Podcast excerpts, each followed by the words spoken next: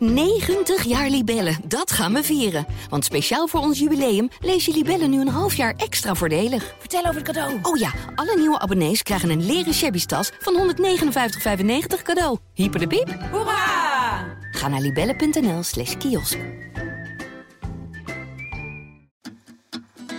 Welkom bij Culturele Bagage, de wekelijkse cultuurpodcast van de Volkskrant. Mijn naam is Esma Linneman en ik merk dat ik nu al een beetje zenuwachtig ben voor deze aflevering. Want we gaan het vandaag hebben over het ingewikkelde en zeer gelaagde concept zusterschap of sisterhood. Het idee, of misschien beter gezegd de norm, dat vrouwen solidair met elkaar moeten zijn en elkaar niet publiekelijk moeten zitten afvakkelen. Vrouwen steunen elkaar. Dat idee dat bestond natuurlijk altijd al, maar dat werd in 2016 door diplomaat en politica Madeleine Albright nog eens even flink de arena ingeslingerd tijdens een campagnebijeenkomst voor Hillary Clinton, waarbij ze de volgende inmiddels beroemde woorden uitsprak. We can tell our story about how we climbed the ladder, and a lot of you younger women don't think you have to, it's been done. It's not done. And you have to help. Hillary Clinton will always be there for you. And just remember, there's a special place in hell for women who don't help each other. Een speciaal plekje in de hel dat dus is gereserveerd voor vrouwen die elkaar niet verder helpen in de politiek of op kantoor. Vrouwen die elkaar afzeiken of afbranden online. Maar hoe ziet vrouwelijke solidariteit er nou precies uit in de praktijk? Moet je ook vrouwen steunen met wie je het inhoudelijk bijvoorbeeld volledig oneens bent, of die je smakeloos vindt in de opmerkingen die ze maken of de opvattingen die ze hebben? En dat raakt eigenlijk aan een mediarel uh, dat vorige week de gemoederen flink bezig hield. Schrijver en podcastmaker Stephanie Hogeberg liet zich in een aflevering van haar podcast The Shit Show negatief uit over presentator Helene Hendricks. Ze zei het volgende. Uh, mijn oog zag Helene Hendricks op televisie. Ja. Dat is die uh, blonde del.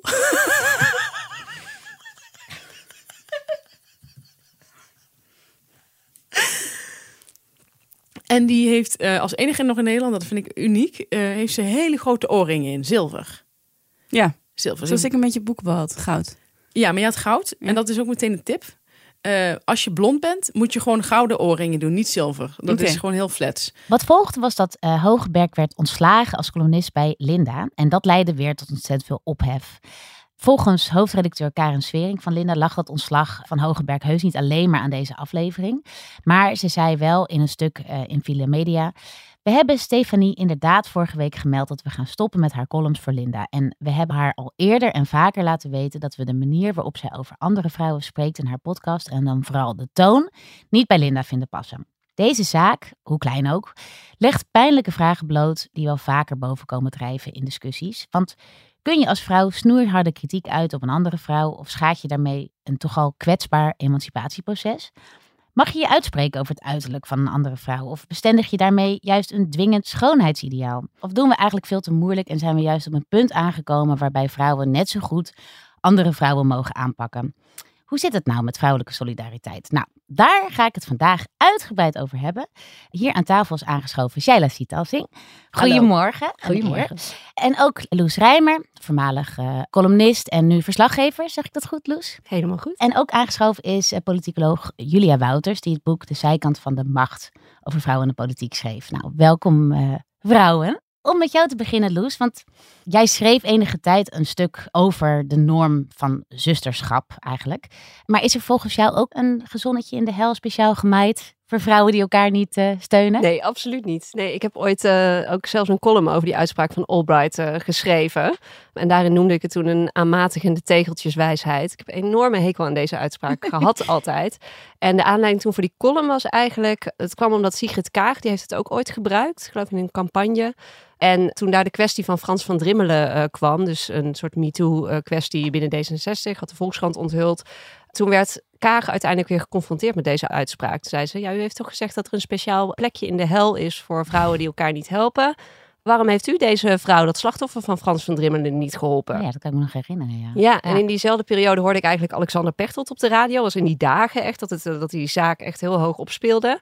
En hij was op dat moment, terwijl deze kwestie speelde destijds, dus toen Van Rimmelen zich uh, deze vrouw stalkte, was hij partijleider. Hij had zich er tegenaan bemoeid, maar hij had ondertussen ook nauwelijks actie ondernomen. En ik vond het heel interessant hoe hij dat deed in die radio-uitzending. Want hij was gewoon van, ja, hij was niet verantwoordelijk geweest. Dat was het partijbestuur, legde die uit. Want hij kon als partijleider toch niet verantwoordelijk zijn voor het privégedrag van alle leden van D66. En hij had een heel afstandelijk toontje. Dit was iemand die eigenlijk op dat moment verantwoordelijk was, maar hij kon echt afstand houden. En dat vond ik heel veelzeggend, omdat Sigrid Kaag werd er dus wel heel erg mee geconfronteerd. Ook door die uitspraak, terwijl zij zat, zij zat toen nog in het Midden-Oosten waarschijnlijk. Dus ze was er uiteindelijk wel verantwoordelijk voor, omdat zij op dat moment partijleider was. Maar niet, niet dus ik vond gewoon het verschil... Had je het idee dat ze extra hard werd aangepakt, juist vanwege ook dat zij zich als, had geprofileerd als een vrouw die voor andere vrouwen opkomt? Zeker, maar Ja. ook nog deze, door deze uitspraak, zeg Ja. maar. Dat gaf de mensen munitie. En ja, dan, dan krijg je toch nog steeds dat vrouwen dus in dit soort kwesties zijn een probleemeigenaar. En kijk, ik vind dat zowel Kaag als Pechtold allebei meer voor deze vrouw hadden moeten doen. Maar eh, niet omdat eh Kaag een vrouw is, maar omdat gendergelijkheid gewoon een heel belangrijke waarde is voor D66. Dus ik, solidariteit draait volgens mij om de waardes die je deelt, zeg maar. En dit relletje wat ik nu eventjes besprak, eh, waarin Stephanie Hogenberg dus de, de hoofdrol speelt, ook wel de Delgate genoemd. Eh, daar zit natuurlijk, daar zit ook een context bij, hè, die ik nu nog niet heb genoemd. Ja, precies. Want Ja. in het fragment wat we net hoorden, toen ging het heel erg over het uiterlijk van Helene Hendricks. Nou, daar Ja. komen we misschien nog later over te spreken. Niet over het uiterlijk, maar over uiterlijk in dit soort kwesties. Maar wat Hogenberg eigenlijk zei, was Hendricks, die had zich kennelijk in Vandaag Inside, het programma met Johan Derks, had zij zich uitgelaten eh, over die grensoverschrijdend het gedrag op de redactie van NOS eh, Studio Sport. Mhm. Of NOS Sport. En ehm, daar eh, had Helene Hendricks zich een beetje als een cool girl opgesteld. Dus een soort van stereotype of ideaalbeeld van een vrouw met wie je echt onwijs kan lachen. Die nooit zeikt, wat ook nog een heel erg lekker wijf is. Die heel erg grote stukken pizza vreet, hamburgers en Ik zo. wil net zeggen, pizza hoort er ook Pizza bij. hoort er ook altijd bij. Bier. Ja, ja. En Ja. dat is een heel, dat is een fantastisch eh, ideaalbeeld. Ik kan me voorstellen dat mannen dat heel erg eh, aantrekkelijk vinden. En tegelijkertijd deed zij daarmee, door eigenlijk die grensoverschrijdingen op eh, de redactie van Studio Sport te bagatelliseren, doet ze de vrouwenzaak ook tekort. Dus dat was eigenlijk de context waarbinnen die kritiek, waarin Hoogberg kritiek leverde op Helene Hendricks. Shaila, eh, wat betekent zusterschap voor jou eigenlijk? Ehm, nou ja, het betekent voor mij niet dat je vrouwen met zijde handschoentjes moet aanpakken of anders moet benaderen dan mannen. Maar wat, wat ik in mijn stukken wel altijd heb geprobeerd, ik heb 11,5 jaar lang columns geschreven, is eh, kijken naar ehm, eh, wat gaat er mis in het systeem. En systemen worden gemaakt door mensen, dus wie heeft daar uiteindelijk de macht? Ja. Dan kom je heel vaak uit bij mannen, omdat dan kom je er dus achter als je, als je systemen gaat ontrafelen en macht gaat ontrafelen, dat het uiteindelijk voor een groot gedeelte in de handen van mannen is. Dus dan kom je al heel snel uit in je stukken van, nou ja, die, die gaan over mannen. En af en toe duikt er dan een vrouw op. En eh, wat ik wel altijd heb gedaan, is als ik dacht van, nou kijk, er, is, er zit in dat systeem één vrouw een beetje te kloten, maar er zitten nog negen mannen naast. nou ja, dan is de keus niet zo heel ingewikkeld. Waarom zou ik voor die ene vrouw gaan als er nog negen mannen zijn? Laat, zal ik die maar eerst, eerst even afhandelen. Dus ik heb wel altijd zo'n soort hiërarchie aangebracht in, oké, hoe is hier, hoe zijn hier de machtsverhoudingen verdeeld? Ja, Dus niet noodzakelijkerwijs dan de vrouw eruit pikken, omdat dat namelijk heel vaak gebeurt. Dat, eh, nou ja, in het geval van Kaag, dat is, vond ik inderdaad een heel treffend geval. Mannen kunnen zich vaak veel makkelijker ervan afmaken Ja. als er iets niet helemaal goed is gegaan. En vrouwen worden op hele andere waarden aangesproken. Van ja, maar jij, jij, jij zou toch solidair zijn? Of jij, jij, jij moet toch juist, juist als moeder of juist als vrouw. Ze worden op hele andere, andere aspecten van hun, hun, hun persoonlijkheid en, en op hele andere waarden aangesproken. nou, dat En wordt dus op hun hele- gender dan ook aangesproken, toch? Absoluut, Jij bent allemaal heel vrouw, genderspecifiek. Dus moet je met andere vrouwen. Zeker. Ja. En daardoor worden ze ook op een andere manier beoordeeld als ze eenmaal in die machtspositie eh, zitten. Dus ik heb geprobeerd me daar ook verre van te houden. Ja. Ehm, en wat je ook ziet als je de macht gaat ontrafelen, is dat het is voor mannen veel eenvoudiger om op machtige posities te komen. Daardoor, dat is gewoon een statistisch feit, is het ook voor wat incompetentere en wat, gewoon wat, wat minder begaafde mannen makkelijker om op machtsposities te komen. en vrouwen moeten door veel meer hoepels eh, eh, springen en veel meer kunnen. Dus Ja. die zijn vaak gewoon ook beter. Het is niet zo dat vrouwen betere leiders zijn, maar de vrouwen die aan de leiding zijn, die zijn vaak gewoon. Die hebben zoveel weerstand beter. eigenlijk ja, gehad. Dat die ze- zijn ja. zo getest onderweg dat die ook gewoon veel meer kunnen. Ja, ja, precies. Dus er is ook vaak iets minder op aan te merken. En wat vond jij destijds van dat statement van Madeleine Albright? Overigens uh, heeft ze zelf ook al vrij snel een opiniestuk geschreven waarin ze haar excuses aanbood over. Ja, in de context van Hillary Clinton. Toen heeft ze uitgelegd van ja, ik bedoelde niet van je moet voor Hillary Clinton stemmen. Maar ik bedoelde het is gewoon wel echt heel belangrijk dat, uh, dat, dat, dat we vrouwen in leidinggevende posities uh, stimuleren. En dat daar natuurlijk nog heel veel misgaat. Um, het statement op zich, ik, ik heb er niet zo'n allergie tegen als, mhm. als Loes. Ik begrijp het wel en ik heb er ook nog wel een soort van sympathie voor. Dat ik het uh, wel snap. Wat ik, wat ik ook wel in mijn stukken wel eens heb geprobeerd, is als je ziet van nou, er is gewoon een, een, een heel uh, begaafde vrouw echt goed bezig. Om te kijken, nou, weet je, ik kan daar wel even een spotlight op laten schijnen. Ja, En dat is misschien weer net iets anders dan uh, vrouwen steunen, anders ga je naar de hel. Maar eh, voor mij is dat de interpretatie van hoe Madeleine Albright het bedoeld heeft. Van als er nou eens een keer een vrouw goed bezig is en je ziet ze krijgt wel heel veel weerstand, dan kun je een heel klein duwtje misschien proberen te geven. Ja, in haar tweede, in dat, in dat opiniestuk had het geloof ik over dat vrouwen die dat doen, dat die gewoon een speciaal plekje in de hemel krijgen. Dus dat is wel weer iets. Uh, ja, ja. ja.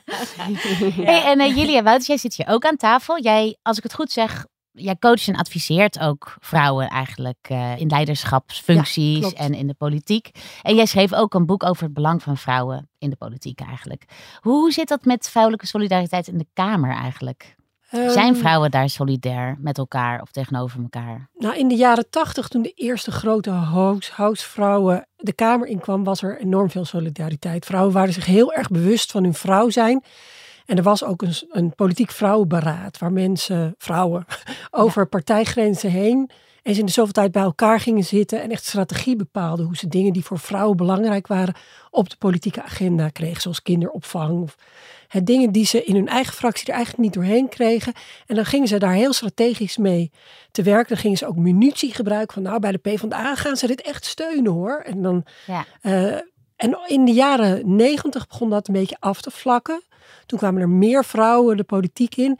En toen waren vrouwen eigenlijk vooral heel erg bezig om te bewijzen dat ze daar zaten als mens, als persoon. En dat hun vrouw zijn er eigenlijk niks mee te maken had. Ik heb dat wel genoemd, niet omdat ik een vrouw ben. Ja, ja, Dus toen wilden vrouwen juist zich helemaal niet meer voor laten staan op uh, thema's die met vrouw zijn geassocieerd werden. Toen wilden ze het over de economie en financiën hebben, niet meer over kinderopvang en onderwijs en zorg.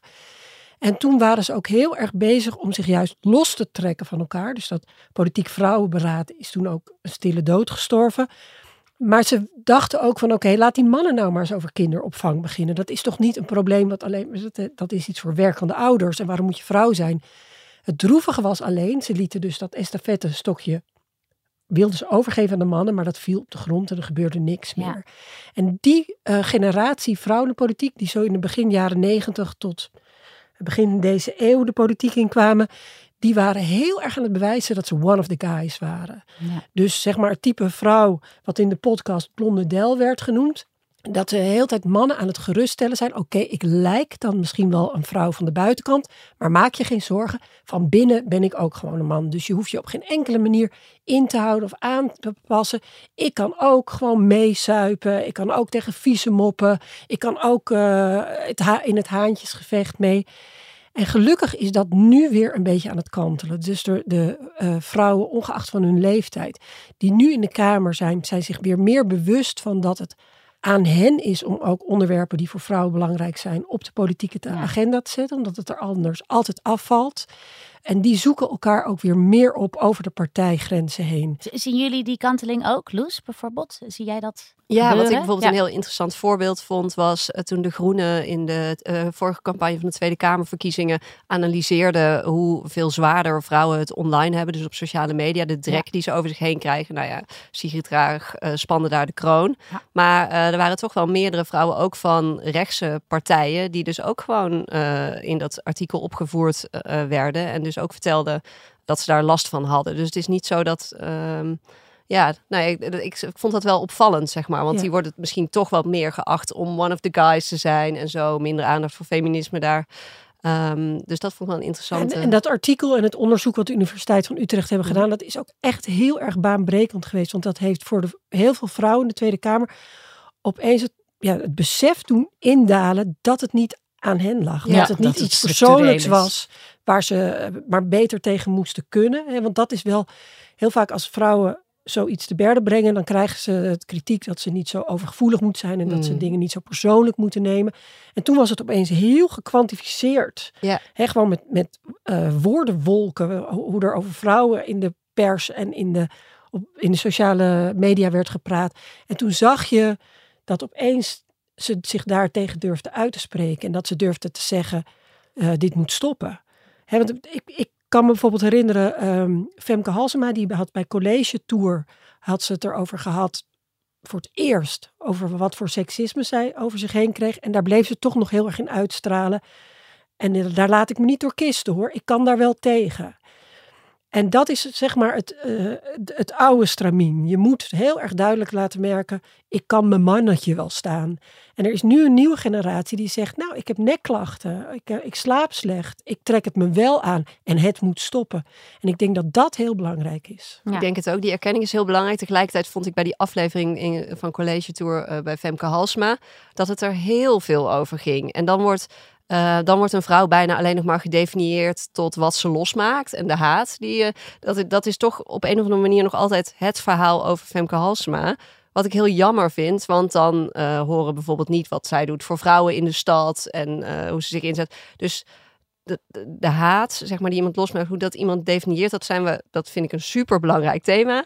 Ehm, en tegelijkertijd moeten we ook erop letten dat, dat dat niet het enige is waar het over gaat. Ja, Zeker. anders En ben je alleen nog maar slachtoffer. Ja, Ja. precies. En Ja, dat ken vond ik jij in die college tour wel. Dat, dat, dat probleem eigenlijk, dat als je het weer te veel benoemt, dat je dan weer Ja. wordt teruggevoerd tot alleen maar de vrouw die haat over zich heen krijgt. Ja, Ja. dat je het niet eh, te groot wil maken. Ja, ja. En eh, ik, ik, ik, ik merk het bij mezelf ook. Ik heb het nooit, ehm, ik heb er nooit een zaak van willen maken van reacties, omdat je denkt, ja, weet je, dit is gewoon mijn werk. En ik zie nu allemaal mannen huilen en dan met allerlei reacties waarvan ik denk, ja, dat is echt een, een tiende van wat ik over me heen kreeg. Ik heb er nooit wat van gezegd. En nu zie je allemaal mannen klagen. Ja, ik word zo lelijk behandeld op sociale media. Ik denk, kom op jongens. Ja, grow a pair of breasts. Ja. Iets meer over ons heen gaan. Ja, maar toch vond ik in de vorige campagne eh, van de landelijke verkiezingen waren er opeens eh, meer vrouwelijke lijsttrekkers dan ooit tevoren. En toen was er een uitzending, nou weet ik niet meer of dat bij M was of bij Geliet en Sophie. Maar in ieder geval, daar zaten dus vier, vier vrouwelijke lijsttrekkers. En toen was het, zeiden ze ook heel duidelijk, dit moet stoppen. Ja. Ja. En dat, dat zeggen, dus niet alleen maar de hele tijd benoemen wat je over je heen krijgt en het huilie-huilie. Nee, je moet gewoon zeggen, mij jaagt ze er niet mee weg. Ik kan het allemaal wel handelen, maar het moet stoppen. Ja. Dit moet stoppen is een hele belangrijke boodschap Nou ja, ik denk dat het, van sisterhood naar die jongere Precies. generatie die misschien niet durft. ik denk dat het sowieso een heel stevig teken is als je met z'n allen optrekt en met z'n allen in zo'n uitzending zit. Maar Loes, jij hebt ook een tijd geleden een stuk geschreven over, ja, hoe moet ik het zeggen, de meer misschien eh, lege kant die sisterhood ook in zich draagt, zeg maar. Of misschien een beetje Ja, meer de sisterhood van het Instagram-feminisme. Ja, Kijk, met zo- vrouwelijke solidariteit vind ik echt fantastisch. Dus als Ja. een vrouw onder vuur ligt en je denkt dat is onterecht of zo, dan vind ik het fantastisch. Dat, ik heb dat zelf ook mogen ervaren toen ik een kwestie had met geen stijl. En toen verklaarden ook heel veel vrouwen in de media zich solidair. Dat, ja, dat, is, nou ja, dat is zo fijn op zo'n moment. Dus ik ben helemaal niet tegen vrouwelijke solidariteit. Maar dat concept sisterhood op Instagram, nou ja, sowieso gaat dat dan gepaard met allemaal hele knappe foto's van al je vriendinnen. Het is een beetje dat elkaars haren vlechten feminisme. Dus allemaal rijtje, ja, allemaal een mooie boho, bohemian jurk aan. En dan... En, we ehm, hebben allemaal een oerkracht in ons. we hebben en al een zijn oerkracht. een, een leeuwin. En, Ja, eh, ja Precies, dat. ja. En, dat en het was toen dat ik dat stuk schreef. Nou, dat was omdat ik het op Instagram heel veel za- zag. En toevallig kwamen er ook toen twee boeken uit. Krabben eh, van Milo Delen. ehm, en, En Daan Borrell. Ja. en Daan Borrell inderdaad. En ehm, ook van Lucie Woesthof. En die schreef Woman. Ja. Ehm, en eh, ja, nou, die had ik allebei gelezen. En toen wilde ik er een stuk over schrijven. En wat ik daarbij vooral voelde was eigenlijk...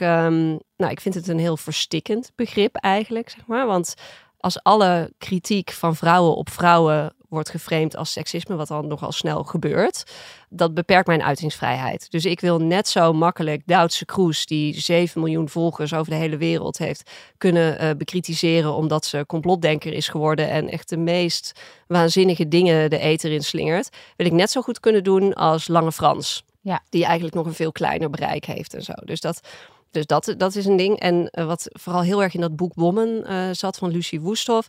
Daar, zij bezong de vrouw inderdaad als zo'n fantastisch soort van mythisch Exceptioneel wezen. bijna. wezen, hè? Exceptioneel wezen, ja. Ja.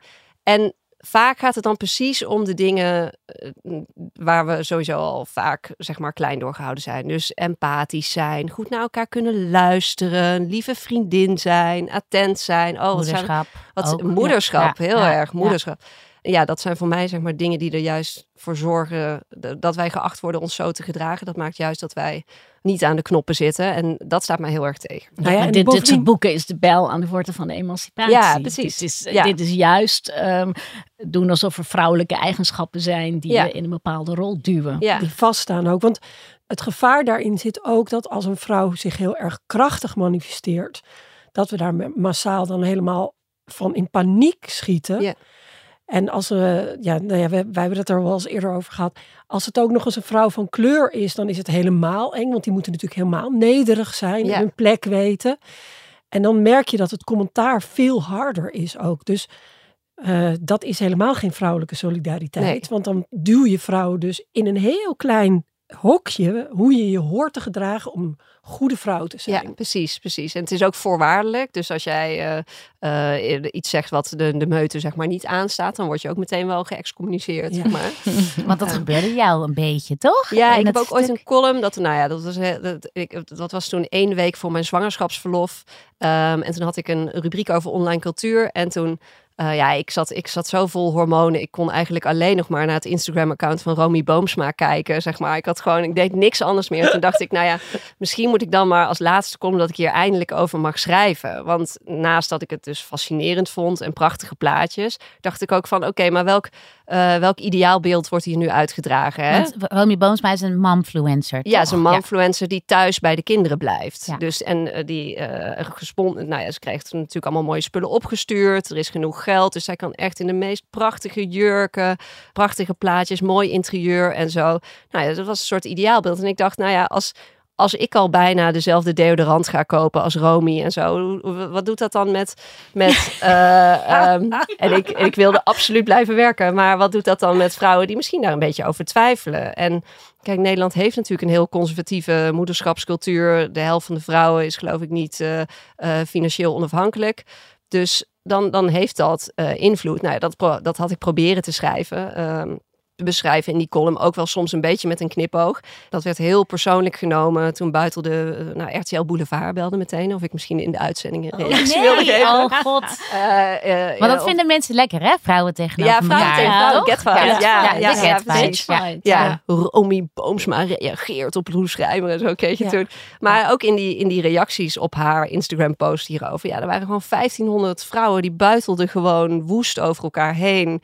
Ehm, en wat dan ook altijd gebeurt bij dit soort dingen, is dan de, de aanname dat je dan dus jaloers bent. Ja. Dus ik heb ook wel eens, toen ik een column schreef over Duitse, kreeg ik ook van andere vrouwen ook echt bericht van, ja, maar jij bent zeker jaloers omdat je niet zo mooi bent als Duitse. Dus dat vind ik ook altijd zo'n zo'n sneuwe, sneuwe, simpele reactie. Nou ja, dat brengt me ook een beetje op het onderwerp van de, de, de inner eh, sexist. Want jij, eh, Julia, jij, heeft, jij hebt in een interview eh, in het AD volgens mij gezegd... ehm, ik betrap mezelf dagelijks op vooroordelen naar vrouwen... en beoordeel ze harder op hun uiterlijk dan mannen. Dan denk ik, met zulke benen trek je toch geen rokje aan. Hoe zit dat eh, eigenlijk bij jullie? Worstelen jullie ook wel eens met, eh, met dat soort gevoelens? seksist. Weet je, dat je... Steeds minder naarmate ik eh, eh, ouder word en zelf ook dochters heb van eh, inmiddels eh, 17. Ehm, ik heb ook wel van die periodes gehad dat ik dacht, zou je dat decolleté niet een heel klein beetje optrekken, want je zit hier in een serieuze omgeving. En nu denk ja. ik vooral, doe maar gewoon lekker, nog verder omlaag. ik, ben, ik ben daar wel echt, nou ja, wat toleranter in geworden. Ja, ja. Ook omdat dit juist precies de reden is waarom eh, vrouwen telkens niet, niet verder komen. Omdat er alleen maar naar dat uiterlijk wordt gekeken. Maar ik Dus doe dat ook probeer heel erg. niet naar Ja, dus ik ben in, de hele tijd in gevecht met mezelf. Maar ik merk gewoon dat ik geconditioneerd ben om vrouwen op hun uiterlijk te beoordelen. Dus als ik naar een talkshow kijk en er zit iemand in een pastelroze eh, jasje aan, dan kost dat me zeker twee minuten om weer terug naar de inhoud te gaan. Dan zit ik de hele tijd te toetsen. Wat vind ik er nou van? Want ik, ik ken alle codes. Hè. Dus een krachtige vrouw die moet zichzelf een beetje tone it down, niet te bedreigend. overkomen. Dus dan is een pastelkleur heel goed. Dus ik, het valt me altijd op dat Sigrid Kaag, het moment dat er verkiezingen zijn, dan is ze opeens alleen nog maar in heel zacht roze of zandkleurig gekleed. Van ik ben zacht, ik ben lief, ik ben.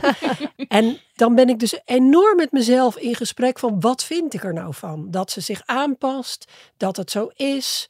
Het, het kost heel veel van mijn energie. En dan denk ik, oh, zal ik weer even op de inhoud gaan letten. Dus ik, Nou ja, ik, ik zei het ook omdat ik me dus kan voorstellen dat die vrouwen die jou, Loes, dan weer beschuldigen van jaloezie, die zijn misschien ook, ja, enigszins geconditioneerd om zo te denken dat zodra een vrouw kritiek heeft op een andere vrouw, dan moet het wel jaloezie zijn. Ja, dus dat je ook geconditioneerd misschien bent om Ja.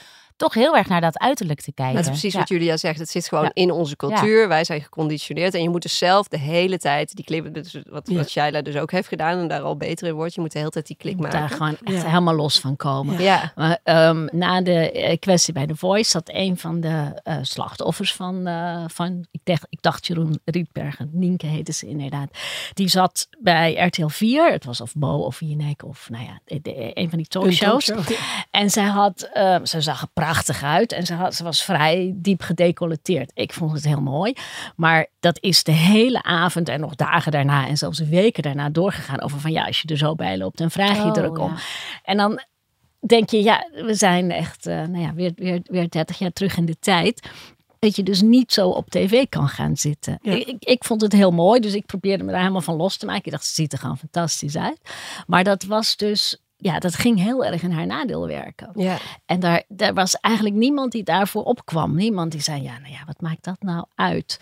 Dan zie je hoe dat werkt. Dat je dus heel erg moet nadenken over wat je aantrekt. Je En gaat ook en je wil daar is, niet hè? over nadenken. Eigenlijk zouden we allemaal met onze rits naar beneden op tv moeten gaan zitten. Maar dat doen we dan niet. Nee. Ik zeg altijd als ik vrouwen adviseer of coach, dan zeg ik, er is geen goede manier om je te kleden. Dus vrouwen krijgen altijd commentaar. Dus je ziet er te truttig uit of te bloot. Je hebt je haar te los of juist te opgestoken. Er is geen goede manier. Maar ik ga jou niet vertellen in hoeverre jij je wel of niet daar eh, iets van aan moet trekken. Dus Ja, elke ja. vrouw moet dat ook per dag maar zelf besluiten. Ik heb geen zi- zin in die strijd vandaag. Ik ga daar hooggesloten zonder make-up zitten, heel lelijk te zijn. Eh, nee, vandaag heb ik er scheid aan. Ik ga daar gewoon, eh, ik leg mijn, borsten op een dienblad. Eh, want het, de boodschap moet zijn, ik ben strijdbaar en het maakt niet uit hoe ik eruit zie. Jij hebt je handen thuis laten. Maar dat, ja, weet je, dat ligt er maar net aan waar je je hormonale cyclus zit. Hoeveel je aan kan op zo'n dag. En dat mag je per dag en per individu mag je dat ook zelf weten. Ook daarin moeten we elkaar niet de maat nemen. Dat, Maar is dat, dan, er- is dat dan niet toch wat een beetje misging bij dat fragment wat ik ook liet horen uit de shitshow, eh waarin eh Stephanie Hogeberg, eh, be- vind ik best terecht kritiek heeft op Helene Hendricks, maar vervolgens het over de zilveren oorbellen en gaat Ja. hebben en, dat, en, en toch het delwoord valt. Ja, het delwoord, ja, Ja. Dat, is, ja, dat is ongemakkelijk. Ehm, tegelijkertijd vind ik dat uiterlijk moet je ook, uiterlijk zo'n belangrijke factor voor vrouwen. Dus dat moet je ook kunnen analyseren. Dus eh Helene Hendricks ziet er echt uit als een, als een klassieke VI-schoonheid, zou je kunnen zeggen. Dus Ja. inderdaad gewoon blond en eh, nou, voor eh, de voetbalkantine echt een lekker wijf. Daardoor wordt zij ook, dat is natuurlijk een factor, daardoor wordt zij ook een leuk wijf gevonden daar aan tafel. Dus Ja. dat uiterlijk is wel een factor. Een ander voorbeeld vind ik bijvoorbeeld wat je ook gewoon moet kunnen benoemen zonder dat je, dat je er seksistische kritiek op levert, is bijvoorbeeld het eh, voorkomen van Eva Vlaardingerbroek, Ja. radicaalrechtse, hele jonge, hele knappe ehm, Nederlandse vrouw, die dus inmiddels al bij Tucker Carlson eh, desinformatie mag verspreiden over eh, een het Nederlandse stikstofbeleid. een leuke, met een leuk om ja, ja. precies. Ja, Ja. heel blond, hè? Heel Ja, blond. heel Dat blond. is functioneel blond. Nou ja, dat. precies. Ja. Maar ook hyper vrouwelijk. Kijk, en in die rechtsradicale kringen, daar hebben vrouwen nou nu eenmaal wat minder te zeggen. Tenzij je dus een hyper eh, vrouw bent met Ja. mooi blond haar, heel van knap. die Fox News babes. Ja, eigenlijk wel. Kijk, dan word je daar toch serieuzer eh, genomen. Als jij paars gemillimeterd haar hebt, dan, dan, dan, ja, dan maak je geen schijn van kans. Ik weet niet eens of het serieus genomen, eh, dat je er serieus genomen ner om wordt, maar je bent minder bedreigend. Dus je past nog in dat beeld hoe een vrouw hoort te zijn. Dus een vrouw mag best een mening hebben en goed in haar vak zijn, maar ze moet ook heel erg aangenaam voor het oog zijn. Hè? Dus je, kent wel die gesprekken over of een vrouw eh, wel of niet met blote benen naar werk gaan. Ja, maar benen zijn fijn om naar te kijken als ze bij een vrouw zijn. Maar een man mag echt niet in een korte broek, want die zijn lelijk. Dus vrouwen zijn ook eye candy. En zolang ze zich daaraan conformeren, dan is de ruimte die ze in mogen nemen om een sterke mening te hebben, wordt daarmee groter. Dus vrouwen die zich zo gedragen, want dat probeer ik altijd te doen. Het, ik begrijp waarom zij daar strategisch voor kiest. Zij kan haar positie daar aan die tafel aannemen door een geruststellende boodschap te hebben. En zij zegt ook tegelijkertijd. eh, ja, dat is echt te ver gegaan, maar ik trek me dat soort dingen nooit aan. Hè, met mij kan je lachen, ik ben oké. En het, er is een waanzinnig fascinerend onderzoek gedaan door Belle Derks. Die heeft eh, van de Universiteit van Utrecht. Die heeft mannen echt helemaal volgeplakt met van die stickertjes om hun stresslevels te kunnen meten. en die heeft gekeken dat nou, die heeft aangetoond dat ongeacht wat mannen zeggen, dat mannen die zich heel erg met hun mannelijkheid identificeren, zich heel erg bedreigd voelen, fysiek bedreigd. Dus die krijgen echt vecht- of vlucht eh, neigingen als een vrouw de status quo ter discussie eh, eh, brengt. En dus een vrouw zoals, zeg maar als het over vrouwen op de arbeidsmarkt gaat, een vrouw als Elske Doets, die altijd zegt, ja, maar vrouwen maken ook verkeerde keuzes. En als vrouwen allemaal zich maar zo gaan gedragen als ik, dan komt het wel goed. Da- dan gaan de stresslevels bij mannen meteen weer omlaag. En dat, Dus dat bij hoef- Helene Hendricks, die, daar gaan gewoon de stresslevels omlaag. ja, en daar hoef je niet een man voor te beplakkeren. En bij Dat weet je natuurlijk intuïtief. Voel je, oké, hoe even terug. Even zeggen, oké, maar met mij kun je lachen hoor. Niks aan de hand. Ik kan er wel tegen. Ja. En ik denk dat heel veel vrouwen dat herkennen. Dat ze daar een beetje, als ze iets een beetje risky hebben gezegd, dat ze dan meteen weer gaan geruststellen. Want ja, je moet natuurlijk de mannen niet ongerust maken dat zij misschien ook iets aan hun gedrag zouden moeten veranderen. Nee, Maar alles mag blijven zoals het is. Wa- Wat Loes net zei, eh, het is wel zo dat, dat uiterlijk is gewoon soms ook een manifestatie of Ja. een boodschap. Dus eh, ja, Shaila, mag je dan nooit over het uiterlijk van vrouwen schrijven? Of, Jawel, omdat het dus vaak functioneel is. Precies, je ja. zet je uiterlijk vaak functioneel in. ja. Omdat je weet dat het werkt, omdat je weet hoe de mechanismen werken. En daar mag je natuurlijk op een analyserende manier naar kijken. Naar hoe zet iemand zijn, zijn, zijn uiterlijk functioneel in. En is het iemand met een machtspositie? Duitse Kroes is iemand in een machtspositie. Ja, dan mag je die natuurlijk helemaal eh, te pletter analyseren. Hoe ze en haar uiterlijk en haar following en haar uitingen, hoe ze dat allemaal inzet. Ja, het is allemaal Ja. functioneel. ja, Maar ja. ik vind dat je heel erg moet opletten in welke termen je dat doet. Dus je hoeft. Kijk, dit is natuurlijk een satirische podcast. En Blonde Del en de oorbellen. Je, je hoort ze zelf. Ze vinden zichzelf ontzettend grappig op dat moment. Ehm, maar over het algemeen vind ik dat je niet dat soort seksistische terminologie moet overnemen. Maar jij, jij constateerde dat er eh, op rechts eigenlijk ook al wat gebeurt met het idee van, van zusterschap, hè Loes? Ja, ja, ik heb, nou ja, dan kom, komen we weer bij dezelfde, namelijk Eva Vlaardingenbroek. Vooral het idee dat, dat alle kritiek op vrouwen, zeg maar, voortkomt uit seksisme. Of dat elke vrouw die succes heeft, zeg maar, eigenlijk toegejuicht moet worden. Dus als zij bij Tucker Carlson zit, dan zegt haar beste vriendin Ruisa Blommestein, zegt van, oh, waarom, waarom vieren we dat niet meer? Als Ja. een vrouw eh, eh, zo, eh, zo belangrijk wordt dat ze daar, daar mag zitten. Dat heb ik ook wel veel op Twitter gezien. Dat als je dan kritiek hebt, dat het dan als seksistisch wordt neergezet, hè? Ja, ja. Bij deze vrouwen. Ja. Dat ze dat eigenlijk omdraaien. Of Ja. nou ja, ze Of ook de maken gebruik van het argument. Ja, Ja. ja. ja. Herken- zie jij dat ook, Shaila? Dat... Ja, ja dat, dat wordt gebruikt, dat argument. Het is een kul-argument. omdat je ehm, natuurlijk, eh, nogmaals, ze zit in een bepaalde machtspositie. En je kijkt gewoon, wat doet ze met die macht? En doet ze iets met die macht waar... Waar, eh, als je het vanuit met, door het prisma van sisterhood wil bekijken, doet ze iets met die macht waar andere vrouwen wel bij varen. Nou, nee. Eh, dit is, eh, je, je bevestigt eigenlijk een soort conservatief ideaal. Dus, dus, dus nee, dat hoef je niet toe te juichen Ja, om aan sisterhood te doen. Ja, want zou vrouwelijke solidariteit ook kunnen zijn dat je solidair bent met iedereen die solidair is met de vrouwenbeweging? Ongeacht of dat nou een man, vrouw, non-binair, wat dan ook is. Zou dat misschien eigenlijk een betere beschrijving zijn van wat solidariteit Nee, dat is? vind ik niet, omdat het zijn verschillende dingen. Dus je hebt een feministische agenda of een vrouwenagenda. En iedereen die daar aan bijdraagt, die eh, zal ik toejuichen. Dat is een bondgenoot. Dat is een bondgenoot. Maar eh, sisterhood is wel wat anders. Het is, dat gaat ook om de veiligheid, als je vrouw bent, het ook voor andere vrouwen te kunnen opnemen. Weet je, het moment dat VNO-NCW voor de eerste keer in de geschiedenis een vrouw aan de top krijgt, weet ik al dat dat zal de vrouwenagenda geen goed doen. Want zij voelt zich lang niet veilig genoeg in haar eerste jaar. Ik ben natuurlijk ook haar naam weer even vergeten, want uh, zo gaat het bij mij. Ingrid Thijs. Ingrid Thijssen, zij zal zich in haar eerste jaar daar niet veilig genoeg voelen. Ja. Zij moet eerst bewijzen dat het eigenlijk niks uitmaakt dat ze een vrouw is. Dus waar Hans de Boer heel erg tegen wil en dank voor het vrouwenquotum heeft gepleit. Weet je alweer, dit wordt een moeilijkere periode. Ja. En ik denk ook dat Madeleine Albright haar kreet ook meer op dat soort vrouwen gericht was. Van oké, als je dan eindelijk die plek hebt, neem die, neem die positie dan ook. Durf het wel te doen. Ook al is dat soms op, persoonlijke kosten. Dus ik denk dat dat sisterhood meer daarover gaat. Dat je vrouwen die eindelijk in die positie zijn ook ondersteunt. Zodat ze durven. En dat je als vrouwen, als ze een fout maken. En er wordt gezegd, dat komt natuurlijk, hè, zoals bij Paulien van der Krikken, toen zij af moest treden als burgemeester. Toen uh, werd er heel vrij gezegd door Sven Kokkelman en weet je, echt gerenommeerde journalisten. Dat kwam omdat ze per se een vrouw wilde. Mm, en dan ja. vind ik echt, dan gaat het om sisterhood. Want uh, haar vrouw zijn had daar niks mee te maken. Misschien was het wel meer dat ze weer per se een VVD'er moesten. En dat goede VVD'ers zo langzamerhand op waren. He, er, dat een burgemeester die faalt als het een vrouw is, ligt het aan haar seksen. Dan uh, gaat het over dat je dan zegt, ja, maar het is terecht dat ze moest aftreden. Ze heeft fouten gemaakt, maar die hebben echt niets met haar seksen te maken. En dat je je dan uitspreekt. Dus voor mij is dat wel echt wat anders, dat sisterhood. Wat ik interessant vond was, uh, we hebben niet zo lang geleden die stemming in de Tweede Kamer gehad over de afschaffing van de bedenktijd bij abortus. Vijf ja. dagen uh, nadenken.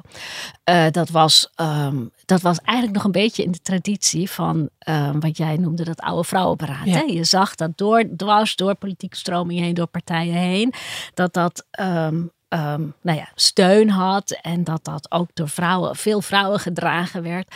Om te, ervoor te zorgen dat het erheen kwam. Um, een van de woordvoerders was Caroline van der Plas. Die, was, die heeft tegengestemd. En dat is mij toen zo ongelooflijk tegengevallen. tegengevallen. Ja. Dat ik dacht, ik heb nu een kans om iets voor elkaar te krijgen wat, wat zo ongelooflijk denigrerend is. Wat ervan uitgaat dat, dat, dat vrouwen niet zelfstandig kunnen beslissen. En dan stem je tegen. Ik vond dat echt zo een, een, een moment. Ik, ik heb al die namen opgeschreven van wie hebben daar nou allemaal tegen gestemd. en daar zit dan één vrouw tussen. En dat vind ik echt zo'n moment. Daar gaat volgens mij ook Um, het, het, promoten van de vrouwenzaken om en sisterhood uiteindelijk om. Want ben je goed bezig voor de vrouwenzaak? En, en toen dacht ik wel van ja, dit, was, dit is wel een gemiste kans. Ja, zeker. Maar het, het verbaasde je echt. Want het verbaasde is, mij ja. enorm. Ja, ja, het verbaasde mij. Ik dacht, um, je bent ja, want jij, al, jij bent best een beetje en gecharmeerd, toch? Door Caroline. Niet, niet, uh, niet per se inhoudelijk, uh, maar misschien. Uh, ja, en, en ik vind ook dat we geen Caroline moeten zeggen, maar gewoon van, van Vlas. Vlas. Ja, ja daar ga ik alweer. Rutte zeggen. en, en Pechtold ja. enzovoort. Ja. En Kaag. Um, nou, waar ik um, niet per se gecharmeerd, maar ik vind dat ze het heel goed doet. Um, in die zin dat ze heel, heel steady een politieke beweging aan het opbouwen is. Uh, verstandige zetten daarin zet. Niet in allerlei valkuilen trapt waarin populistische bewegingen voor haar in zeggen. Van te snel willen gaan, uh, te hard willen gaan, te veel uh, rare mensen aan je binden. Dat ze dat eigenlijk heel verstandig aan het opbouwen is. Ik vind het een hele interessante vrouw. Ja. En ik kijk ook heel wel veel echt opzichten. naar haar als vrouw. Ja. Want hoewel ze dus tegen dit voorstel heeft gestemd, wat ik strategisch nog best snap, omdat zij natuurlijk die hele Bijbelbelt ja. uh, ook voor als achterban heeft. Hè? Dus, um, uh, het is een conservatieve partij. Waarschijnlijk gaat het worden. Nou ja, het, ja. het, is, het is wel iets waar, ze, waar ik weet dat ze heel veel potentiële stemmers ja. met zich had kunnen vervreemden. En hoewel zij dus, want dat is ook weer dat feminisme en sisterhood. Hoewel zij dus lang niet altijd een hele vrouwvriendelijke agenda heeft, vind ik wel haar rol en haar positie daar ontzettend fascinerend. Omdat zij is enorm de, de bandbreedte die vrouwen hebben, hoe ze zich kunnen manifesteren aan het oprekken is. Ja. He, dus zij past zich op geen enkele manier aan de manier waarop ze zich kleedt. Zij is gewoon een vrouw die ook naast je had kunnen wonen. Zij, het beeld wat wij hebben van waar een vrouw aan moet voldoen, wil ze mee mogen doen aan de politiek, is zij heel erg aan het oprekken. Ik had het in het begin eigenlijk met zowel Sylvana Simons als uh, Caroline van der Plas. Ik zat er echt van te genieten die eerste Ja. weken dat zij in de Oh ja. kamer waren. Ja, maar zij zij doen dat allebei ja, op alle hun eigen op hun eigen manier. manier. Ja, en wat zij ook alle twee heel knap doen, is zij zijn zich heel erg bewust van dat vrouwen die met elkaar hard discussiëren, dat die meer, weet je, dat dat een reflex oproept dat mannen dan denken, oké, maak me maar wakker als jullie klaar zijn. Ja. Zij spreekt altijd extreem goed via de voorzitter. En ook in debatten is zij nooit een andere vrouw aan het aanvallen, maar gaat ze altijd via de voorzitter. En Dat jij, doet- jij zei ook van, ze heeft altijd door wanneer ze gekleineerd wordt, hè? Ja, ze, Ja. dus ze Ja. laat het, het, eh, het zichzelf kleineren. En, en, ze, en ze spreekt dat nooit toe. altijd uit. Ja, Ja. Ze, ze loopt dan altijd meteen aan de microfoon en ze eist meteen, dat neem Ja. je terug. Of Ja. dit, Ja. dit, ik, ik accepteer dit niet. Ja. Dus ze laat niets passeren en dat Ja. vind ik ook heel fijn. Ja, en dat is echt belangrijk. Ik vind het wel interessant wat je zegt, want het is inderdaad opvallend dat zij eh, nou ja, heel gewoon, een heel gewoon voorkomen heeft, eh, normale kleding aan heeft, eh, niet per se wat we gewend zijn in de Tweede Kamer. Tegelijkertijd vind ik het ook wel weer opvallend dat we het juist heel goed vinden dat zij als vrouw zich zo gewoon kleedt. Dat ze, maar dat ze gewoon doet als vrouw. Bijvoorbeeld toen Sigrid Kaag, als Sigrid Kaag allemaal pakken gaat dragen en zo, dan, dan vinden we dat meteen weer verdacht, want dan wil ze een leider, wil ze een leiderschapsuitstraling hebben. Ja, ik, ik, ik ben Ja, het wel met je eens dat dat gebeurt, maar voor Mhm. mij is het anders. Dus ik, ik ben eh, blij met de veelvoud waarin eh, de, de verschillende manieren waarop vrouwen zich kunnen manifesteren. Dus dat we gewend raken dat vrouwen ook net mensen zijn. ja, Nou ja, zo zie je maar. eh, sisterhood is echt een ongelooflijk ingewikkeld thema. Als we de, de luisteraar thuis één ding mogen meegeven wat het sisterhood vandaag zou kunnen zijn. Wat zou je dan zeggen, Shaila? Ehm, wat ik zou zeggen is, ehm, als, als je ziet dat een vrouw goed bezig is, zet er even een klein spotlichtje op. Ja, en als je ziet dat een vrouw in de verdrukking zit en je denkt dit is eh, overduidelijk seksisme, schaar je achter haar openlijk ook. Ja, en ik vind je moet het benoemen. Dat is echt het belangrijkste. Dat je het elke keer als je het ziet benoemt. En dat betekent ook dat je soms inderdaad opkomt voor wie het, iemand voor wie het inhoudelijk oneens bent. Omdat het gaat erom juist, je kan alleen maar kritiek op elkaar hebben als je het ook benoemt wanneer het seksisme is. Nou, dank jullie wel voor jullie komst naar de studio. Dit was Culturele Bagage. Montage en redactie worden gedaan door Team Hageman. Eindredactie door Corine van Duin. En wil je de Volkskrant nou steunen? Ga dan voor een abonnement naar www.volkskrant.nl slash podcastactie. «